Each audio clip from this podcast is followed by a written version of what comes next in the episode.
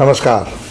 Radio टुरिज्मबाट दर्शकवृन्द अब साथीभाइहरू इष्टमित्रहरू र हाम्रो सबै टुरिज्म र नन टुरिज्म सबै सर्कलका सबै समाजका हाम्रो मित्रहरू आज हामीले विशेष अतिथि ल्याएको छौँ। किनभने उहाँको बारेमा जब तपाईँहरूले जान्नुहुन्छ तपाईँहरू यति खुसी हुनुहुन्छ कि किनभने उहाँ एउटा सिम्पल ब्याकग्राउन्डबाट आउनु भएको सिम्पल भने एउटा सिम्प्लिसिटी ब्याकग्राउन्डबाट आउनु भएर आज उहाँले नेपालमा ठुलो ठुलो काम गर्नुभएको छ र विश विदेशमा पनि विश्वमा पनि उहाँ ज्यादा नै चिर परिचित हुनुभएको छ। विदेशी संस्थाहरूले पनि उहाँलाई निकै नै अनर गर्नु गर्नु भएको छ र बेला बेलामा उहाँलाई बोलाएर चाहिँ एउटा सम्मान पनि गर्ने गर्नुभएको छ र उहाँको बारेमा लेख्ने प्रचार गर्ने काम पनि गर्नु गर्ने गरेका छन् विदेशी विभिन्न सङ्घ संस्था अथवा मिडियाहरूले पनि उहाँको नाम हो लाखफुटी शेर्पा नमस्ते वेलकम। वेलकम लाखफुटी ल तपाईँलाई स्वागत छ र लाखफुटी म, पहिला चाहिँ म रेडियो टुरिज्मको बारेमा सानो इन्ट्रोडक्सन दिन्छु यो रेडियो टुरिज्म भने चाहिँ के भने यो एउटा यस्तो चाहिँ प्लेटफर्म हो अथवा मञ्च हो अथवा भेटघाट गर्ने एउटा थलो हो जहाँ आएर तपाईँले आफ्नो जीवनका एकदम आकर्षक र एकदम उत्कृष्ट एउटा स्टोरी टेलिङ अथवा एउटा त्यसका चाहिँ मिठा मिठा पक्षहरूलाई प्रकाशमा ल्याएर नेपालका दाजुभाइ दिदी बहिनी हिमाल पहाड तराई सबैमा बसोबास गर्ने दाजुभाइ दिदी बहिनीहरू पूर्व मेचीदेखि पश्चिम महाकालीसम्म सबैलाई एउटा प्रेरणाको स्रोत बनोस्। र दर्शकवृन्द हामी रेडियो टुरिज्ममा त्यस्ता व्यक्तिहरूलाई मात्रै बोलाउँछौँ जसले आफ्नो जिन्दगानीमा आफ्नो समाज आफ्नो परिवार आफ्नो खानदान अथवा आफ्नो सोसाइटी अथवा आफ्नो देशलाई पनि केही गर्न भ्याएका अथवा केही दिन भ्याएका अथवा आफ्नो समुदायलाई अथवा आफ्नो क्षेत्रलाई एउटा उन्नतिशील प्रगतिशील र उद्यमशील काम गरेर देखाएर प्रेरणा दिँदै एउटा नयाँ बाटोमा अग्रसर हुन अग्रसर बनाउन भ्याएका र हाम्रा सोझा साझा हिमाल पहाड तराई पूर्व मेची महाकालीभित्र बसेका दाजुभाइ दिदीबहिनीहरू दुर्गम क्षेत्रदेखि लिएर अति विकट क्षेत्रसम्मका दाजुभाइ दिदीबहिनीहरू सबैलाई एउटा प्रेरणाको स्रोत बनोस् र उनीहरूलाई पनि एउटा केही गरौँ अगाडि बढौँ र लाखुटीले चाहिँ देखाएको बाटोमा पनि हामी हिँडौँ। आफू पनि उद्यमशील बनाउँ आफूले जे जति जानेको छ उद्यम हुनलाई गर्नलाई एमबिए चाहिँ पास गर्नुपर्ने अथवा अङ्ग्रेजी नै बोल्नुपर्ने भन्ने पनि छैन।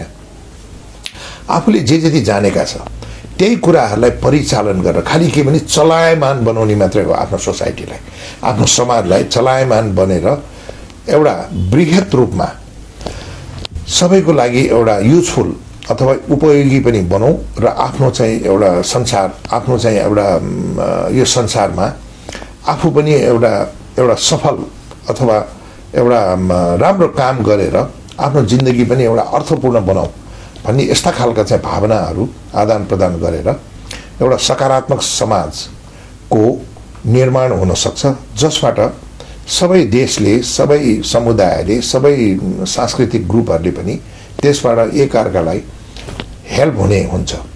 र त्यही सिलसिलामा आज हामीले लाखुटी शेर्पाले आफू एउटा छोरी मान्छे भएर आफ्नो यो जन्म लिएर आफ्नो चाहिँ कार्यक्षेत्रमा आफ्नो समाजमा आफ्नो देशभित्र के के चाहिँ एउटा उत्कृष्ट काम गरेर देखाउन सक्नुभयो देखा देखाउने भन्दा पनि प्रेरणाको स्रोतको रूपमा दिन सक्नुभयो।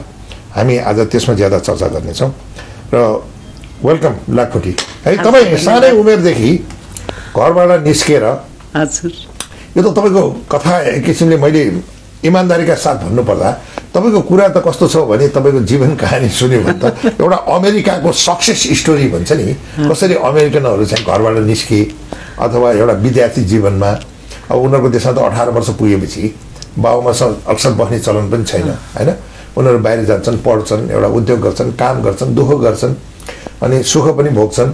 भने जस्तो तपाईँको त एउटा सक्सेसफुल ट्रु अमेरिकन स्टोरी जस्तो छ क्या एउटा छोरी मान्छे हाम्रो देश जस्तो एउटा विकट ठाउँमा तपाईँ जन्मिएर तपाईँ सानै उमेरमा आफ्नो घर परिवारबाट अलिक पर गएर तपाईँ चाहिँ एउटा पर्यटन क्षेत्रको कार्यक्षेत्रमा उत्रिएर होइन? तपाईँले चाहिँ काम सिकेर पढेर अब त्यो त्यति सजिलो त कहाँ हुन्छ र हामीलाई पनि त थाहा छ। आज तपाईँ जुन ठाउँमा पुग्नु भएको छ त्यसलाई त हामीले भन्नुपर्दा यो त अमेरिकन सक्सेस स्टोरी भन्न सकिन्छ। कुनै दिन यो पनि हुनसक्छ दर्शक कि हलिउडले उहाँको बारेमा चाहिँ थाहा पाएर नेपालमा आएर उहाँकै चाहिँ लाइफ स्टोरीमा सिनेमा बनायो भने पनि हामी चाहिँ छक्क पर्न नपर्ने खालको चाहिँ उहाँको लाइफ हिस्ट्री छ। त यसरी उहाँ चिनियो हुन्छ। देशभित्र पनि देश बाहिर पनि। उहाँले किताब नै दुई तिनवटा लेखिसक्नु भएको छ अहिले। भने यहाँ हुनुहुन्छ लाखपुटी शेर्पा।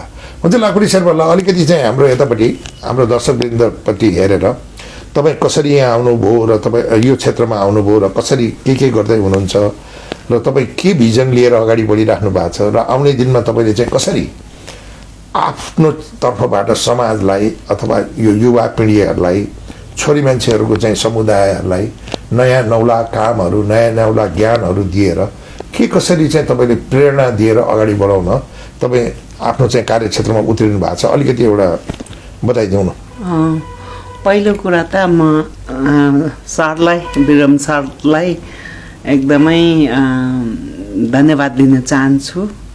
म हजुरको चेला पनि हो। म बाह्र तेह्र वर्षको उमेरमा चाहिँ हजुरसँग म किचन गर्लमा गएर हजुरले मलाई धेरै कुरा सिकाउनु भएको थियो। म हजुरसँग लुक्लादेखि ट्याङ बुझेसम्मको ट्रेकिङ यात्रा एक हप्ताको यात्रामा चाहिँ हजुरसँग जानुभएको पाएको थियो।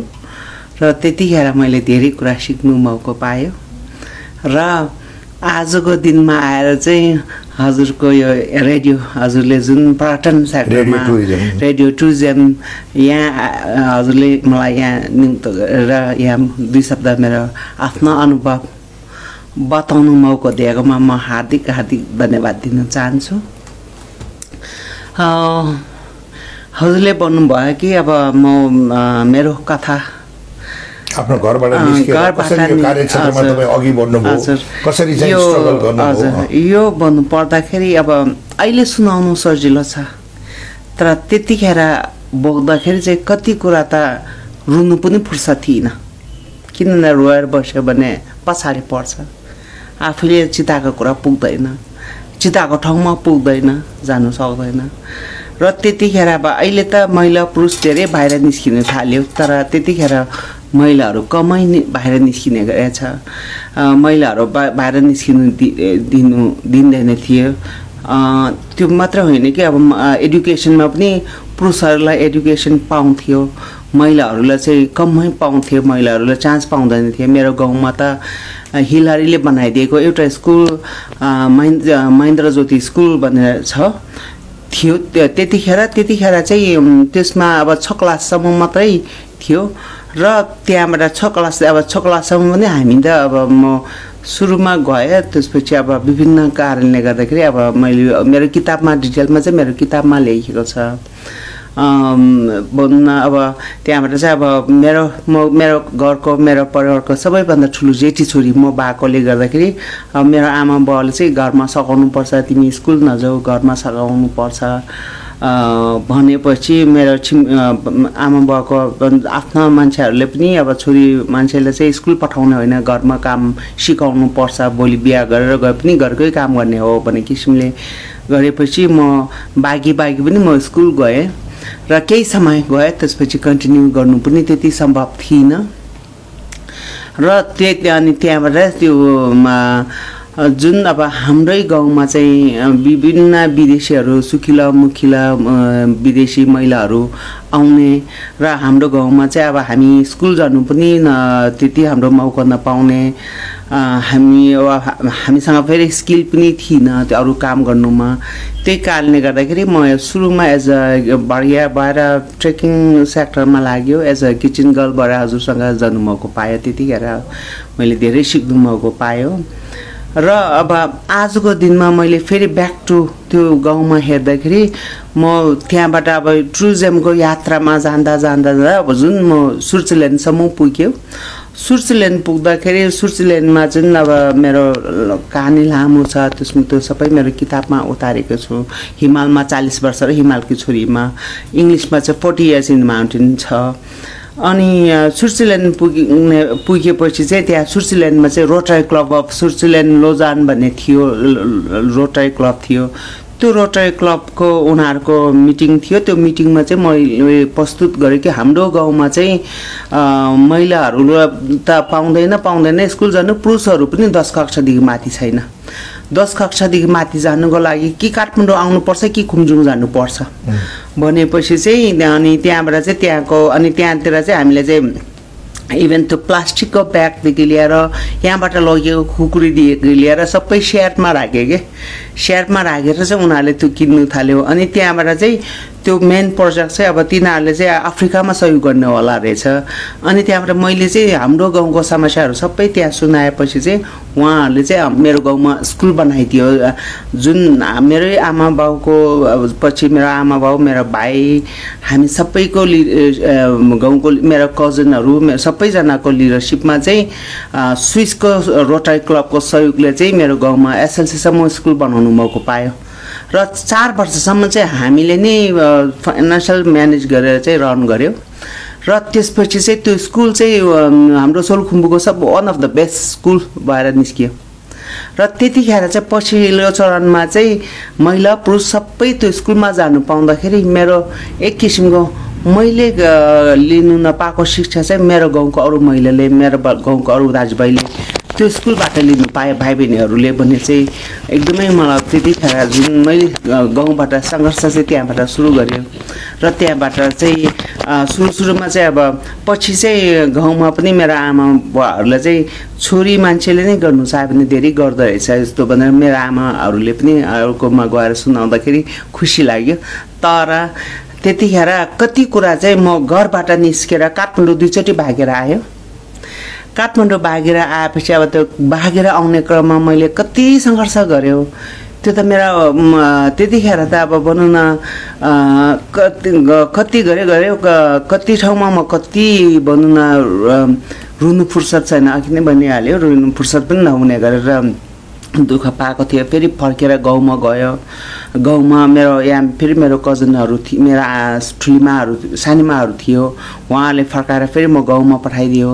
तर गाउँमा फेरि मैले चाहिँ जुन अब म मलाई मेरो इच्छा चाहिँ एउटा बिहा गरेर अर्काको घरमा गएर चाहिँ बिहा गरेर बच्चा पाएर बस्ने मात्रै चाहिँ मेरो इच्छा थिएन।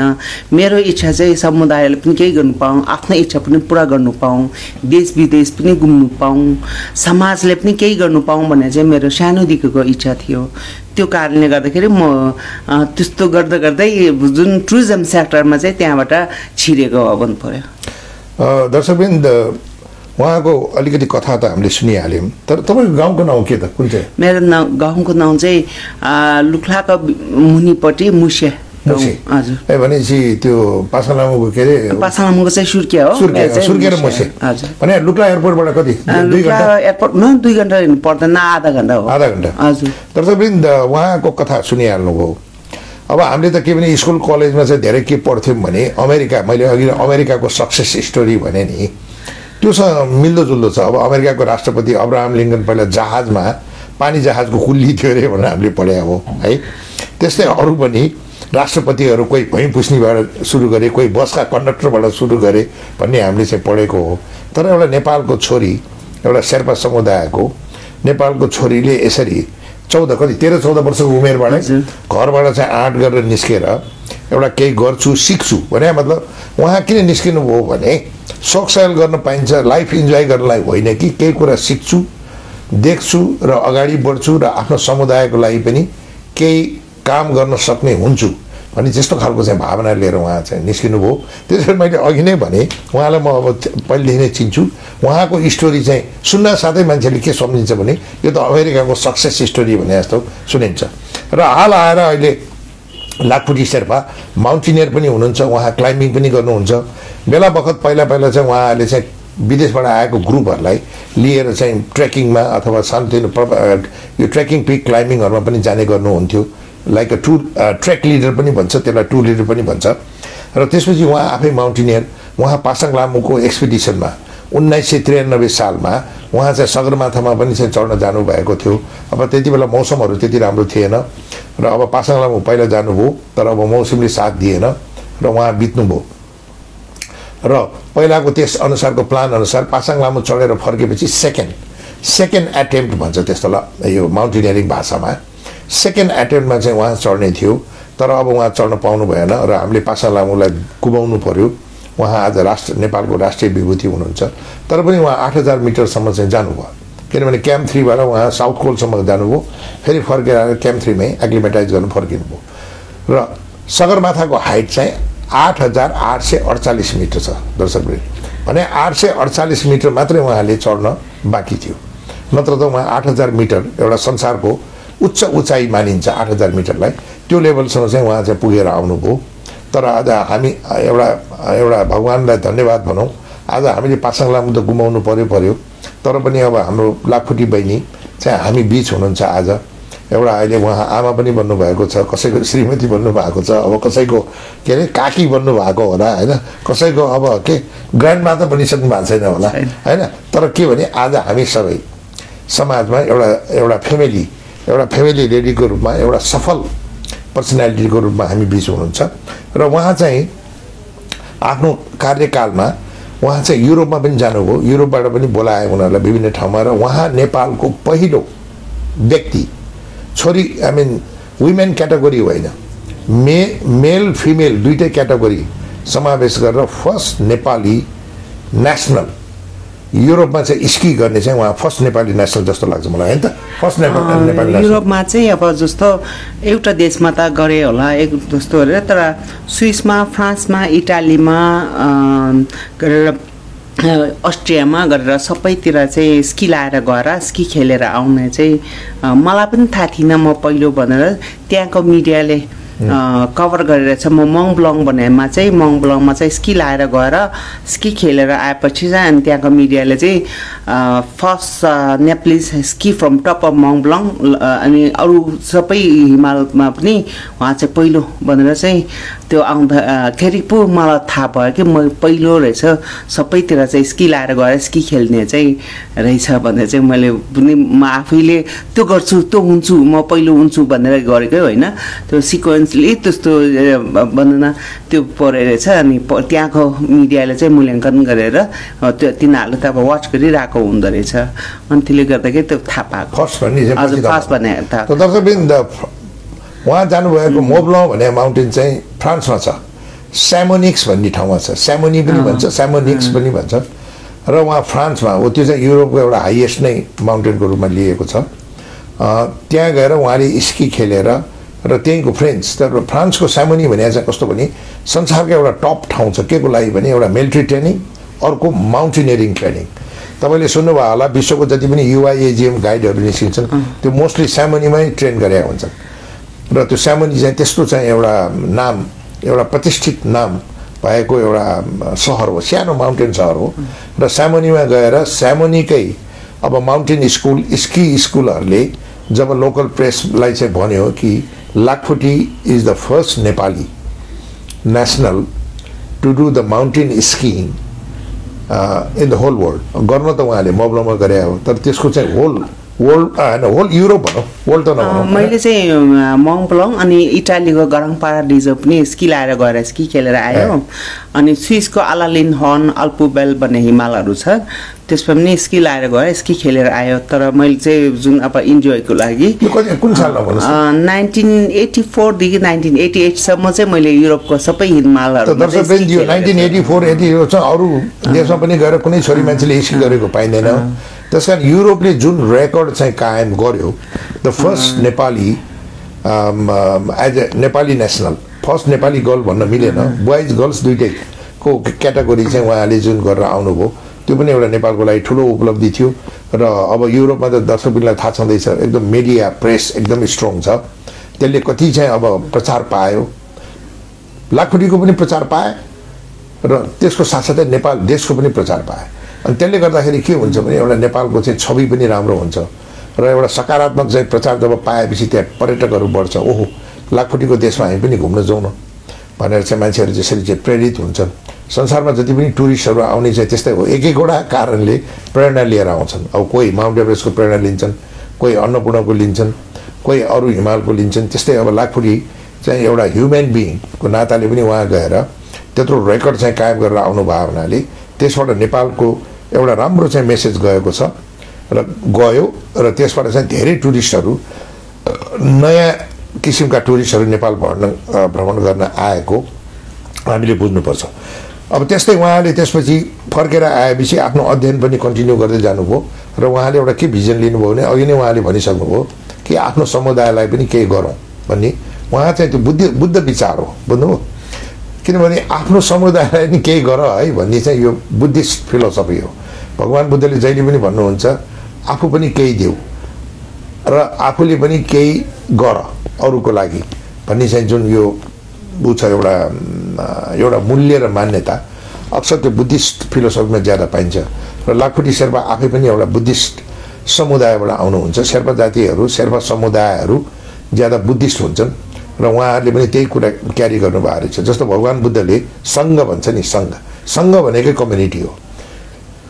बुद्धम शरणम गच्छामी सङ्घम शरणम गच्छामी भन्ने चाहिँ त्यो उनै छ। धम्मम शरणम गच्छामी भने भगवान् बुद्धको तिनवटा श्लोक नै छ। बुद्धम शरणम गच्छामी भने बुद्ध भने बुद्धत्व। भने त्यो हाई नलेजमा म चाहिँ शरणमा जान्छु। अनि सङ्गम शरणम गच्छामी भने म जहिले पनि कम्युनिटीको लागि राम्रो काम गर्छु र कम्युनिटीको शरणमा जान्छु भन्न खोजे हो। कमन भाषा बुझ्दाखेरि अब त्यसको गहिराई त धेरै हुन्छ तर सर्वसाधारणले बुझ्ने भाषा मात्रै मैले यहाँ बोलिरहेको छु धम्मम शरणम गच्छामी। धम्मम भने के भने धर्म। धर्म भने के भने ड्युटी। त हाम्रो ड्युटी नै यही दुइटा कुरा हो। भन्ने कुरा चाहिँ त्यसरी चाहिँ हामीले बुझ्न सकिन्छ। धम्मम शरणम गच्छामी। यसरी चाहिँ बुझ्न सकिने र उहाँ पनि चाहिँ बुद्ध बुद्धिस्ट समाज चाहिँ एउटा समुदायबाट आउनुभएको हुनाले उहाँको पनि विचार त्यही रहेछ कि भने पढौँ सिकौँ जानौँ राम्रो राम्रो काम गरौँ र समुदायलाई पनि केही गरौँ भनेर यस्तै कुराबाट उहाँ प्रेरित हुँदै हुँदै उहाँले चाहिँ एउटा भिजन लिएर हिँड्नु भएको रहेछ के भने माउन्टेन एउटा कलेज अथवा माउन्टेन युनिभर्सिटी अथवा माउन्टेन कलेज जे भनौँ एउटा त्यस्तो खडा गरेर नेपालका सबै दाजुभाइ दिदीबहिनी स्पेसली अझ छोरी मान्छेहरूलाई पनि एउटा राम्रो चाहिँ हामीले तालिम अथवा प्रशिक्षण अथवा एजुकेसन दिन सक्यो भने त उनीहरू आफै आफ्नो खुट्टामा उभिएर एउटा राम्रो काम गर्न सक्थे र आफ्नो समा समाजलाई एउटा चलायमान बनाएर अग्रगामी दिशामा जान चाहिँ उनीहरू सक्षम हुन्थे भन्ने कुरा उहाँ चाहिँ सधैँ त्यो भिजन लिएर हिँड्नु भएको रहेछ। र त्यो भिजनलाई उहाँले अब इम्प्लिमेन्ट गर्नलाई चाहिँ उहाँले एउटा नयाँ कन्सेप्ट के लिएर आउनु भएको थियो भने त्यति बेला माउन्टेन एकाडेमी भन्ने एउटा खडा गरेर त्यहाँबाट चाहिँ सबै चाहिँ दाजुभाइ दिदीबहिनीहरू होइन अब विपन्न वर्गका अथवा तपाईँको चाहिँ के भन्छ अलि रिमोट भन्छ नि अलि वर्गका क्षेत्रका दुर्गम क्षेत्रका अति दुर्गम क्षेत्रका अथवा निम्न आय चाहिँ आर्जन हुने चाहिँ समुदायका त्यस्तो मान्छेहरूलाई पनि ल्याएर ट्रेनिङ गरिदिन पायो भने उनीहरू पनि आफ्नो खुट्टामा उभिएर आफ्नो समाजलाई सेवा गर्थे आफ्नो परिवार परिवार भने पनि समाजै हो नि अनि आफ्नो चाहिँ क्षेत्रलाई सेवा गर्न पाउँथे। र त्यो क्षेत्र क्षेत्र विकास भएपछि समाज समाज विकास भएपछि देश विकास हुने हो। भने त्यस्तो कुरामा चाहिँ उहाँ लागि परेर आजसम्म त्यो आफ्नो भिजन र मिसनलाई अगाडि बढाउँदै चाहिँ उहाँ हिँडिराख्नु भएको छ। लाखपुटी बहिनी ल यो माउन्टेन एकाडेमीको बारेमा अलिकति यसलाई चाहिँ अलिकति उ गरिदिनुहोस् न। कसरी तपाईँलाई भिजन आयो? र कसरी तपाईँले यसलाई अगाडि बढाउनु भयो र आज यसको के छ? स्थिति के छ? यो चाहिँ खासमा नेपाल माउन्टेन एकाडेमी भन्ने चाहिँ नेपाल सरकारको पर्यटन मन्त्रालयको अन्तर्गत एउटा जुन नेपाल पर्वतीय प्रशिक्षण प्रतिष्ठान पनि भनिन्छ नेपालीमा र इङ्ग्लिसमा चाहिँ नेपाल माउन्टेन एकाडेमी भनिन्छ। जुन त्यो चाहिँ हामीले जुन अब त्यसमा चाहिँ सुरुमा चाहिँ अब एउटा इन्स्टिच्युट एउटा ट्रेनिङ विभिन्न हुनसक्छ तर एकाडेमिक चाहिँ त्यसमा इन्क्लुड थिएन त्यसको गठन आदेशमा। अनि हामीले चाहिँ अब ट्रेनिङ फर ट्रे ट्रेनिङ इन्स्टिच्युट जस्तो त अब धेरैजनाले गरिरहेको छ अरू अरू इन्स्टिच्युटहरूले पनि गरिरहेको छ। योबाट चाहिँ एउटा माउन्टेनरिङ अध्ययन गर्ने मैदान बनाउनु पर्छ नेपाल चाहिँ नेचरले चाहिँ open university sir mountain university बनाइदिएको छ नेचरले त्यस्तो खालको हामीलाई पाएको छ। तर त्यसलाई चाहिँ अब अहिलेसम्म माउन्टेन चाहिँ एसन डिसेन्ट मात्रै भयो। माउन्टेन चाहिँ माउन्टेन सम्बन्धी अध्ययन गर्ने मैदान पनि नेपालमा बनाउनु पर्छ। भन्ने किसिमले चाहिँ माउन्टेन जुन अब हामीले के स्कीको कुरा गर्दाखेरि मैले स्की स्विट्जरल्यान्डमा सिक्यो फ्रान्समा सिक्यो स्विट्जरल्यान्ड त्यहाँबाट मैले नेपालको लागि म गिफ्ट मैले एउटा चाहिँ स्की चाहिँ अब नेपालमा पनि स्की ट्रेनिङ हुनुपर्छ नेपालमा पनि स्की सुरु हुनुपर्छ भनेर चाहिँ हाम्रो नेपाल माउन्टेन एकाडेमीबाट नै यो ब्याचलर मास्टर्स टेन सबै सुरु गर्नुभन्दा अगाडि हामीले स्की कार्यक्रम ल्यायौँ। र स्की कार्यक्रम अहिले सातौँ वर्ष भइसक्यो। वर्षै पछि चाहिँ हामीले स्की तालिम दिने गरेका छु। र बेसिक तालिम हामीले सुरुमा मन इन्डियामा मनालीमा दिएको थियो। एडभान्स तालिम लेभल चाहिँ स्विस र फ्रान्सको सहयोगमा समुनि त्यो समुनि र स्विट्जरल्यान्ड डिसेन्टिसमा चाहिँ त्यहाँकोहरूले चाहिँ सहयोग गरेर त्यहाँ हामीले चाहिँ वर्षै पछि पठाउने गरेका थियौँ। यसपालि चाहिँ कोभिड नाइन्टिनले गर्दाखेरि हामीले पठाउनु पाएनौँ। त्यहाँ फेरि अब त्यहाँ रेस्ट्रिक्टेड त्यहाँ लकडाउन छ। त्यो कारणले गर्दाखेरि हामीले स्की पनि जुन अब नेपालमा ल्याइसक्यो। अहिले जस्तो अ, अघि युएमजेको जुन international mountain guide full mountain guide हुनुको लागि स्की ब्रबेक कम्पलसरी चाहिन्छ। र युरोपियन अमेरिकन जापानिज माउन्टेन गाइडहरू चाहिँ गाइड लाइसेन्स विथ स्की हुन्छ।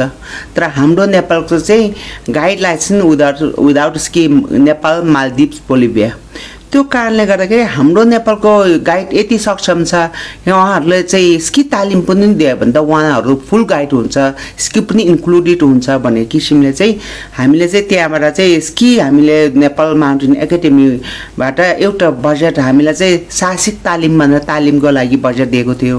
मैले चाहिँ के भने तालिमको लागि तालिम मात्रै दिनु भन्दा नि त्योबाट चाहिँ हामीले चाहिँ राष्ट्रले नि बेनिफिट लिने समुदाय सबैले बेनिफिट यो यो टुरिज्म सेक्टरले नि ठुलो बेनिफिट लिने किसिमले चाहिँ भविष्यमा राम्रो हुने किसिमले गर्नुपर्छ भनेर चाहिँ त्योबाट चाहिँ हामीले चाहिँ स्की तालिममा परिणत गरेर चाहिँ स्की तालिम दिए दियो। र अहिले कन्टिन्युली वर्षै पछि हाम्रो स्की सुरु भइसकेको छ। अनि त्यसपछि चाहिँ जुन त्यहाँबाट हामीले चाहिँ ten plus two syllabus develop गऱ्यौँ माउन्टेनिङ सम्बन्धी टेन प्लस टू अनि त्यसपछि bachelor four years eight semester bachelor syllabus develop गऱ्यौँ. त्यसपछि चाहिँ हामीले masters in adventure tourism syllabus develop गऱ्यौँ होइन? अनि त्यसपछि चाहिँ अहिले चाहिँ हाम्रो जुन bachelor third year fourth year पुगिसक्यो अब हाम्रो चाँडै नै भएर आउँदैछ हाम्रो फोर्थ फर्स्ट इयरको ब्याचलर एज अ म एज अ म त्यो गाउँबाट आएर म चाहिँ टी त्रिभुवन युनिभर्सिटी जुन सुरुमा चाहिँ हामीले चाहिँ सिलेबस डेभलप गरेपछि युरोप अमेरिकामा पठायौँ त्यहाँबाट चाहिँ उनीहरूले चाहिँ उनीहरूले एफिलिएसन दिन्छु तपाईँहरूले हामी एफिलिएसन दिन्छु भन्यो। तर मेरो बनाइ चाहिँ के थियो भने माउन्टेन रिलेटेड एफिलिएसन त हामीले त बेच्ने पो हो उनीहरूबाट किनेर आउने होइन। होइन माउन्टेन त माउन्टेन राइट त नेचरले त हामीलाई दिएको छ नि।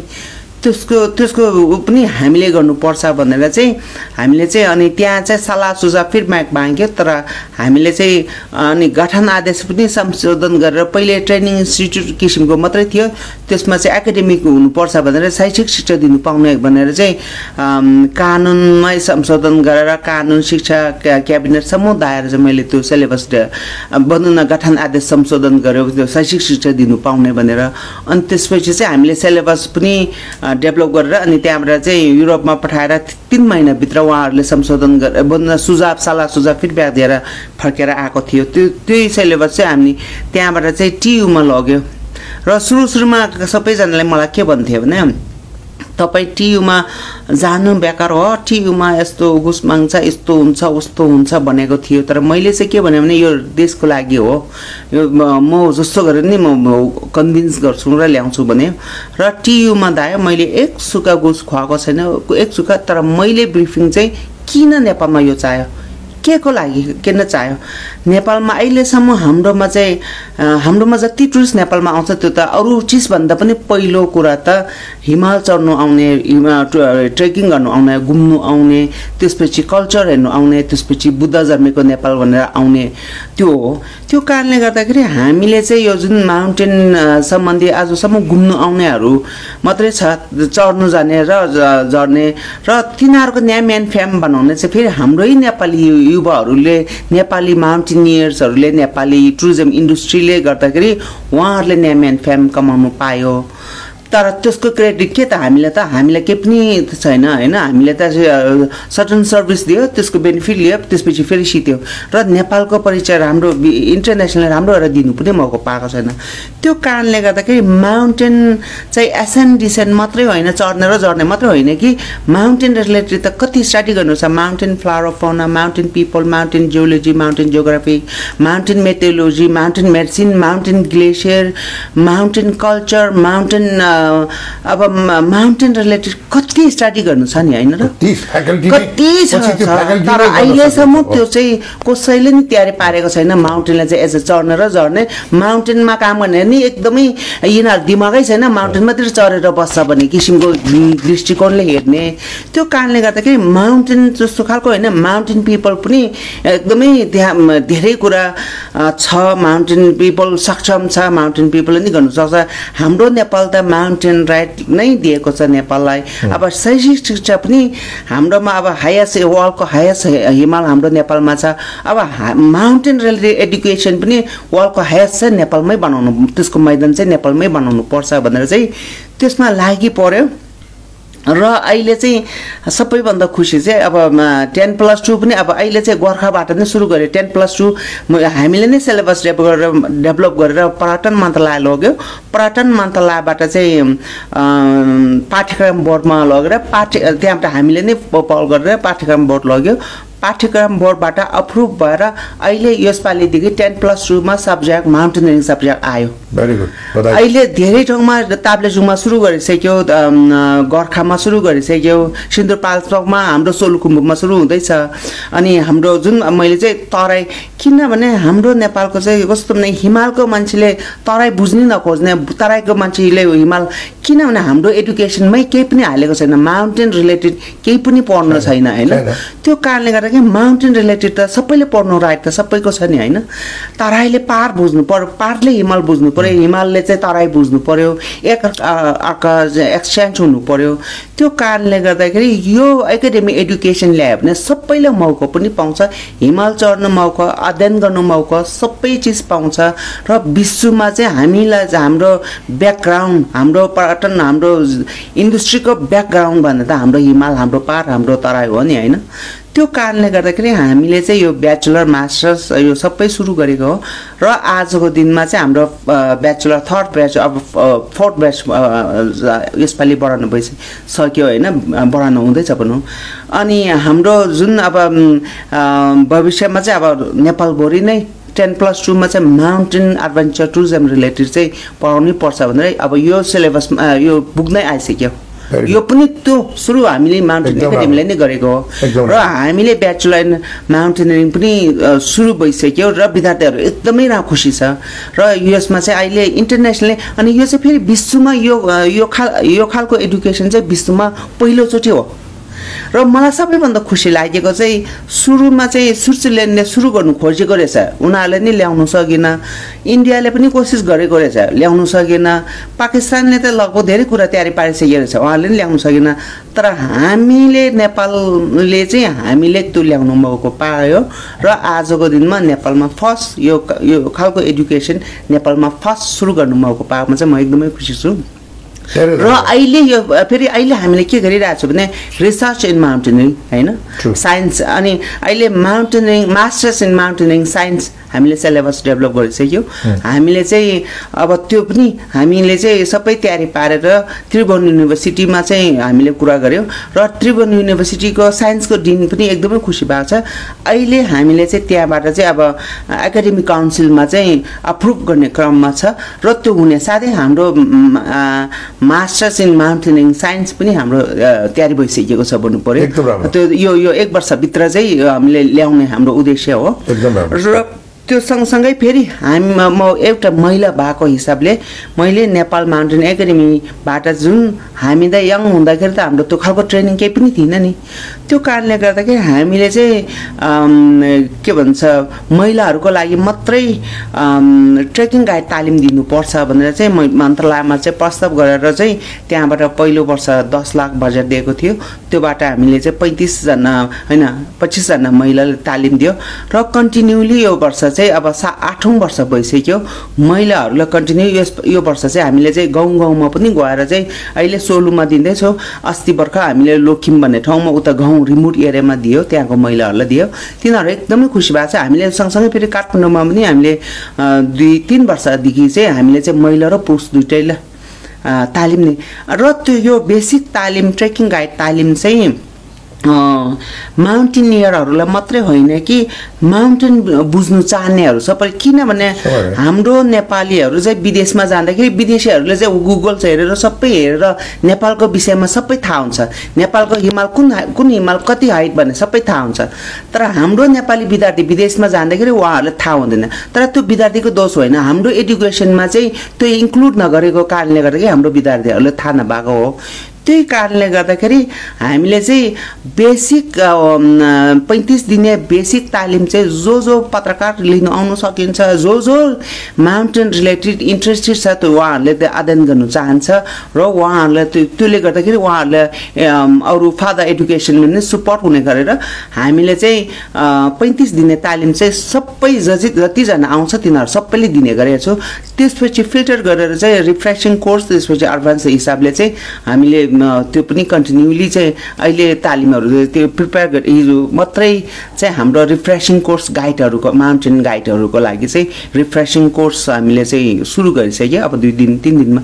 यो चाहिँ फेरि धर्म डाँडा summiters club Everest summiters club भनेर उहाँहरूसँग हामी विभिन्न सङ्घ संस्थाहरूसँग फेरि सहकार्य गरेर चाहिँ हामी काम अगाडि गरि भरिरहेछौँ हामीले धेरै काम चाहिँ यो नेपाल नेसनल माउन्टेन गाइडसँग पनि यो स्कीको तालिमहरू चाहिँ उहाँहरूसँग मिलेर र हामी सहकार्य गरेर चाहिँ विभिन्न निकायसँग चाहिँ सहकार्य गरेर गाउँ गाउँमा पनि हामीले चाहिँ विभिन्न निकायसँग चाहिँ सहकार्य गरेर चाहिँ हामीले काम अगाडि सारिरहेको छौँ।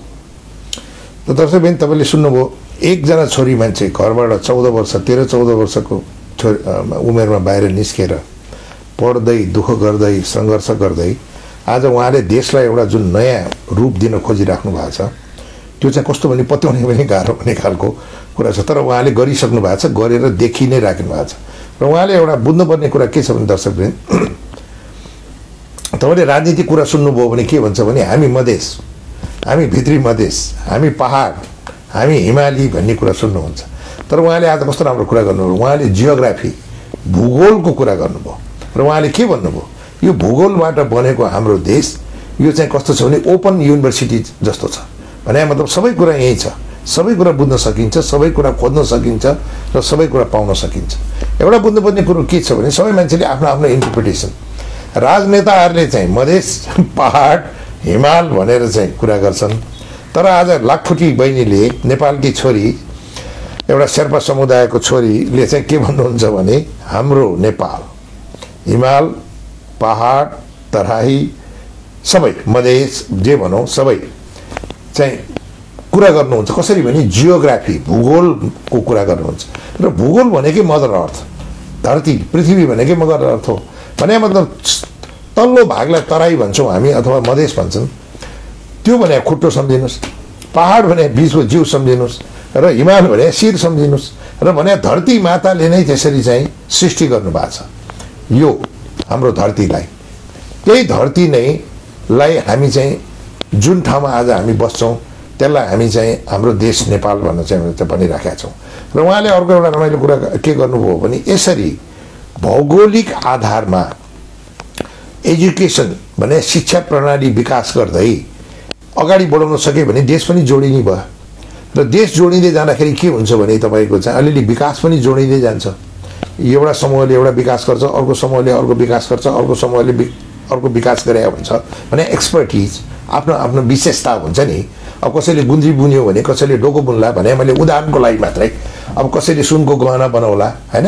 अब कसैले राडी बनाउला कसैले कार्पेट बनाउला कसैले भाँडाकुँडा बनाउला भन्नु खोजे मतलब मैले चाहिँ विभिन्न आफ्नो आफ्नो एक्सपर्टिज बोकेको पनि जोडिने भयो।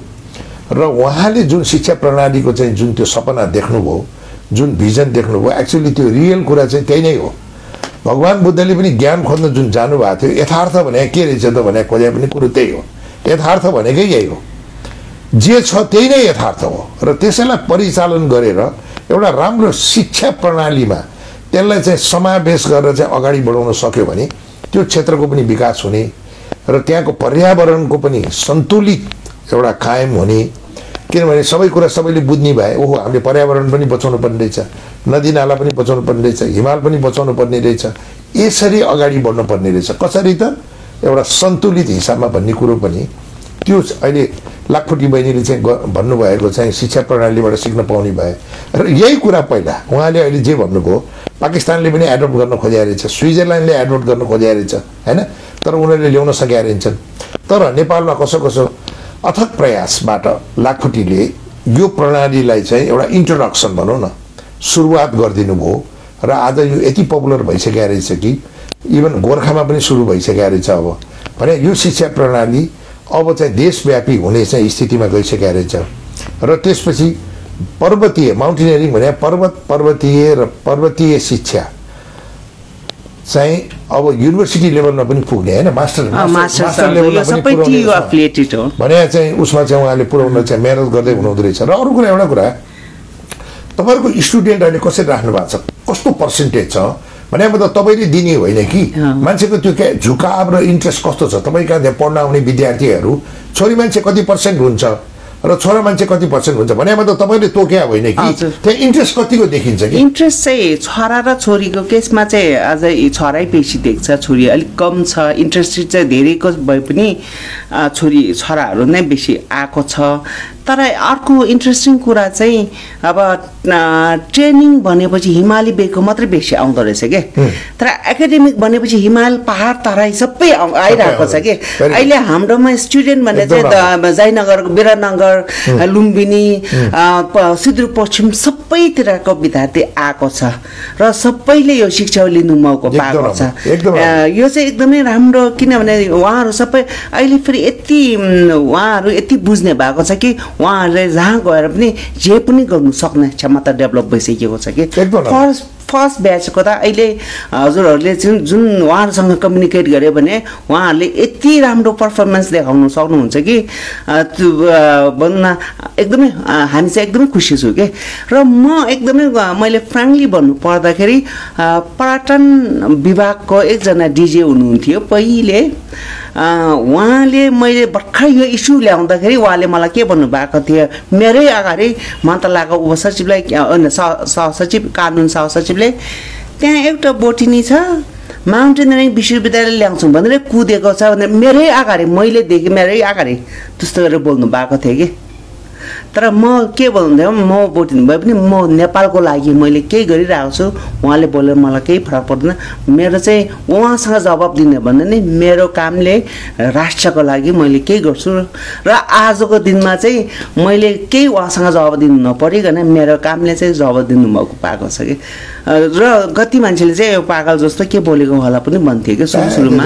तर पनि एउटा नेसन इन्ट्रेस्टमा हामीले चाहिँ किनभने मलाई जहिले पनि सर के लाग्छ भने खानु बस्नु त पशुले पनि गर्छ।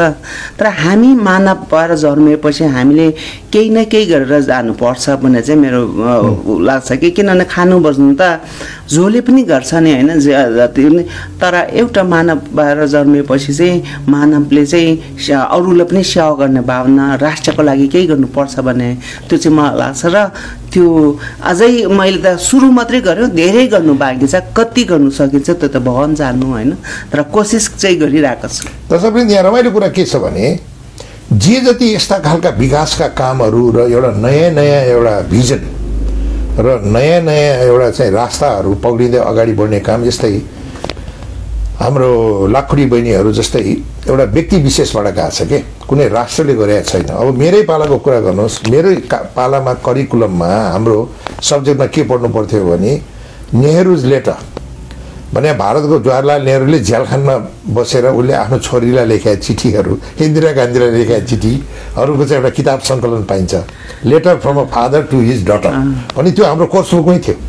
मैले त्यो किन भने भने अघि नै भन्नुभयो नि यहाँ मान्छेले पढ्नु पाएन त्यस्तो खालको सब्जेक्टहरू। किनभने हाम्रो शिक्षा प्रणालीमै त्यो थिएन। तर अहिले लाखपट्टिले के ल्याइदिनु भयो त भने सबै यो हिमाल पहाड तराई सबै कल्चर समुदाय र भनौँ न अब उहाँले अघि नै भन्नुभयो नि कति किसिमको फ्याकल्टी होइन? जो mountain geology mountain culture mountain meteorology, mountain mythology mountain medicine होइन। के छैन? भने मतलब त यसरी सबैलाई उहाँले चाहिँ जोड्ने काम गर्नुभयो। र नेपालको चाहिँ एउटा ब्युरोक्राटहरूको चाहिँ चाहिँ एउटा चाहिँ त्यो अज्ञानता भन्छु म। ए यो भोटिनी को रहेछ भनेर दर्शकबिन्दुले पनि थाहा पाउनुहोस्। भोटिनी र भोट भने के? तिब्बती भाषामा भोट भने चाहिँ के भने अग्लो ठाउँलाई भोट भन्छ। बुझ्नु कुनै पनि उचाइ जस्तो तपाईँले सुन्नुभयो होला मनाङ भन्छ एउटा। मनाङ भोट भने अर्को भन्छ। मनाङ भोट भने माथिल्लो सिरान। सिरानको गाउँ मनाङलाई मनाङ भोट भन्छ। यो चाहिँ यो भाषाको मात्रै एउटा इन्टरप्रिटेसन हो। त्यो कोही ठुलो सानो भन्ने कुरो होइन। र अब तपाईँलाई अर्को कुरा चाहिँ सुन्नुहोस्। भोटको पनि भोट भने सिरान घरको पनि सिरान घरलाई चाहिँ तो भोट भन्छ। त्यो तो भोट चाहिँ बिग्रिँदै बिग्रिँदै गएर टिबेट भएको भन्ने चाहिँ भाषाशास्त्रीहरूको भनाइ छ। जस्तो तराई भने के भन्छ समथर हो। मैले अघि नै भने भूगोल अथवा धरती माताको बनोट चाहिँ कस्तो छ भने शिर हिमाल भयो भने जिउ पहाड र खुट्टा चाहिँ मैदान।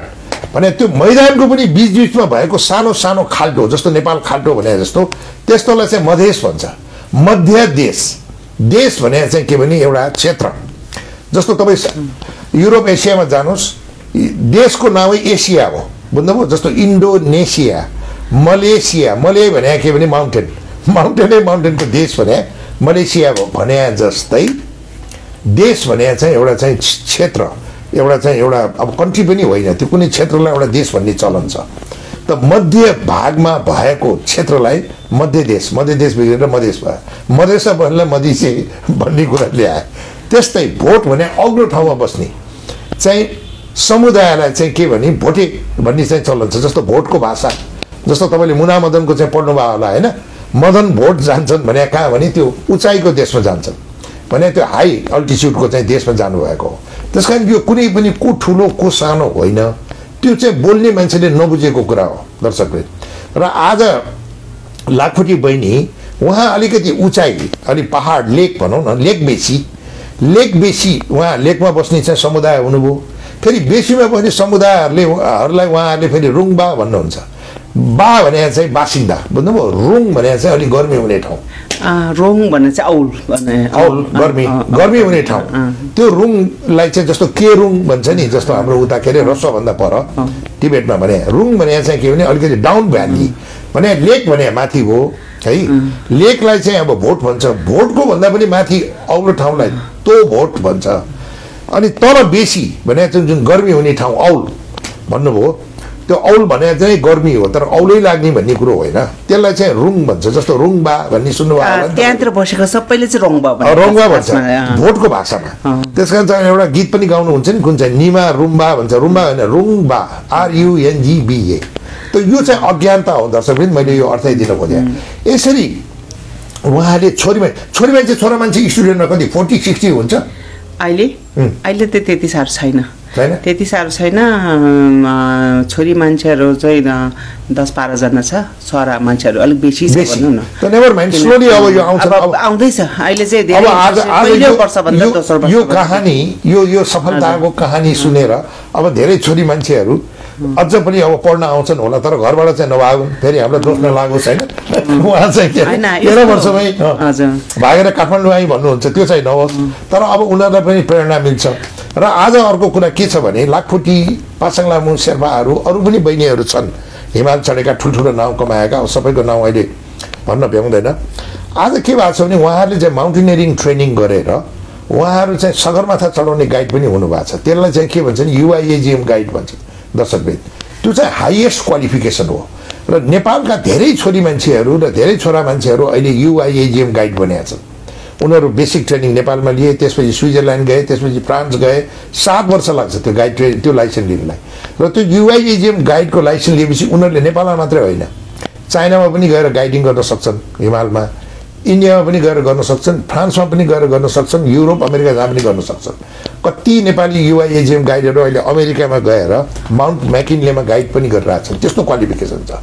आज नेपालमा हाम्रो चाहिँ दिदीबहिनीहरू युआइएजिएम गाइड बनिएका छन्। उनीहरूले एकजना टुरिस्टलाई गाइड चाहिँ गरेर सगरमाथा चाहिँ पुर्याएको पन्ध्रदेखि दस बिस हजार डलर लिन्छन् फिस। भने मतलब कमसेकम पन्ध्रदेखि बिस लाख अथवा बाइस लाखसम्म पनि उनीहरूले चाहिँ त्यो उनीहरूले पाउँछन्। त्यो के भने उनीहरूले माग गरे होइन कि? युआइएजिएम गाइडको फिस नै त्यति हुन्छ। त्यस्तो हाइएस्ट क्वालिफिकेसन। भन्दा अब आज लाखोटीले जे जति मेहनत गरेर यो चाहिँ शिक्षा प्रणालीमा एउटा रमाइलो पक्ष जोड्दै हुनुहुन्छ र एउटा विकसित पक्ष जोड्दै हुनुहुन्छ। त्यसले आउने दिनमा नेपालका धेरै छोरी मान्छेहरूले अब नयाँ मौका पाउनेछन्। छोरा मान्छेहरूले पनि पाउनेछन्। उहाँहरूले भन्नुभयो जयनगरबाट आइरहेछन् विद्यार्थीहरू। अब भोलि चाहिँ उता लुम्बिनीबाट आउँछन् पर्सि नेपालगञ्जबाट आउँछन् महेन्द्रनगरबाट आउँछन् त्यस्तै पाहाडबाट आउँछन् मध्य पाहाडबाट आउँछन् त्यसपछि हिमालय क्षेत्रबाट आउँछन् र यस्तो शिक्षा प्रणालीमा अटाएर उनीहरू एउटा विश्व समुदायको एउटा ग्लोबल सिटिजनको रूपमा आफूले आफूलाई विकसित गर्छन् र उनीहरू जब आफू सफल हुँदै जान्छन् उनीहरूले आय आर्जन गर्छन्। आय आर्जन गरेपछि आफ्नो आर्थिक आर्थिक स्तरलाई उन्नत उन्नति गर्छन्। यसरी उन्नति गर्दै गएपछि दुई चार पैसा कमाउँछन्। दुई चार पैसा कमाएपछि तपाईँको चाहिँ ट्याक्स पनि तिर्छन्। आफ्नो चाहिँ अब गाउँ ओडा अथवा तपाईँको चाहिँ के भन्छ हिजो आज नगरपालिका भन्नुहोस् होइन? अब दुई चार पैसा ट्याक्स तिरेपछि नेपाल सरकार पनि खुसी। र उनीहरूले दुई चार पैसा कमाएर आफ्नो परिवारको आर्थिक स्तर उन्न उन्नतोत्तरी गरेपछि त्यो समुदाय नै माथि उठ्छ। र यसरी एउटा स्वस्थ समाज एउटा सन्तुलित समाज एउटा भगवान् बुद्धले परिकल्पना गर्नुभएको समाज र लाखफुटी चाहिँ ज्यान फ्यालेर मरिहत्ते गरेर अहिले यसलाई चाहिँ सफल बनाउन लागि पर्नु भएको समाज नेपालमा विकसित हुनेछ र हामीसँग एउटा सुन्दर समाज सुन्दर देश हुनेछ हामी आशा गरौँ दर्शकवृन्द लाखपट्टि जस्तो छोरी नेपालभरि संसारभरि विश्वभरि जन्मिउन् र उनीहरूले आफ्नो आफ्नो समुदायलाई नयाँ नयाँ चाहिँ एउटा ज्ञान विज्ञान शिक्षा प्रणाली दिएर यो धरती र पृथ्वीलाई फेरि एउटा सुन्दर स्वर्ग बनाउन्। यति भन्दै म आज अ, लाखपट्टिलाई चाहिँ अब म बिस्तारै विदा गर्न चाहन्छु र विदा गर्नु अगाडि उहाँको केही भनाइ छ भने फेरि एकपल्ट चाहिँ राखिदिन। म चाहिँ अनुरोध गर्दछु। हजुर। ए म चाहिँ के भन्नु चाहन्छु भने जुन अघि जुन उसको कुरा गर्दाखेरि यो एकाडेमी एडुकेसन पनि चाहिँदो रहेछ माउन्टेन रिलेटेड भन्ने चाहिँ यसपालिको कोभिड नाइन्टिनले नै बुझायो के? कति प्र्याक्टिकल एडुकेसन मात्रै ल्याएको छ एकाडेमी छैन कति एकाडेमी मात्रै छ प्र्याक्टिकल छैन। यो माउन्टेन रिलेटेड एकाडेमी पनि भएकोहरूलाई त लकडाउनमा पनि उहाँहरूलाई जब भ्याइ नभ्याइ हुन्छ नि। तर प्र्याक्टिकल मात्रै भएकोहरूले चाहिँ जब ल्याप्स भएर बस्नु परेछ कि। त्यो कारणले गर्दाखेरि नि यो एकाडेमी एडुकेसन पनि उत्तिकै जरुर छ। प्र्याक्टिकल एडुकेसन चढ्ने झर्ने जरु एडुकेसन छ। त्यो सँगसँगै त्यो एकाडेमिक पनि चाहिँदो रहेछ माउन्टेन रिलेटेड भन्ने चाहिँ यसले पनि राम्रो गरेर बुझाएको छ क्या हजुर। भेरी गुड उहाँको भनाइ चाहिँ दर्शकवृन्द के भने जुन प्र्याक्टिकल एजुकेसनलाई एकाडेमिक एजुकेसनमा पनि चाहिँ त्यसलाई विकसित गर्दै लैजानु पर्ने रहेछ। र त्यसले गर्दाखेरि होइन। त्यो एजुकेसन प्रणाली सक्सेस हुने रहेछ। त्यही भन्न खोजेँ अँ, अँ। अनि वर्षभरि जब पाउँछ वर्षभरि जब पाउँछ, एकदम राम्रो। हजुर। थ्याङ्क छोरी संसारभरि जन्मिउन् र यो संसारलाई फेरि सुन्दर धरती र सुन्दर स्वर्ग बनाउनमा सहयोग गरून् धन्यवाद धन्यवाद। यो के भन्छ यो रेडियो टुरिज्म र हाम्रो Vikram sir respected very respected Vikram सरले म हार्दिक हार्दिक धन्यवाद दिन चाहन्छु।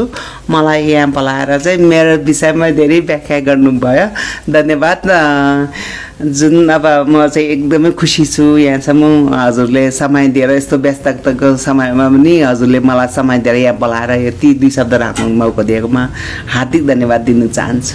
धन्यवाद। Thank you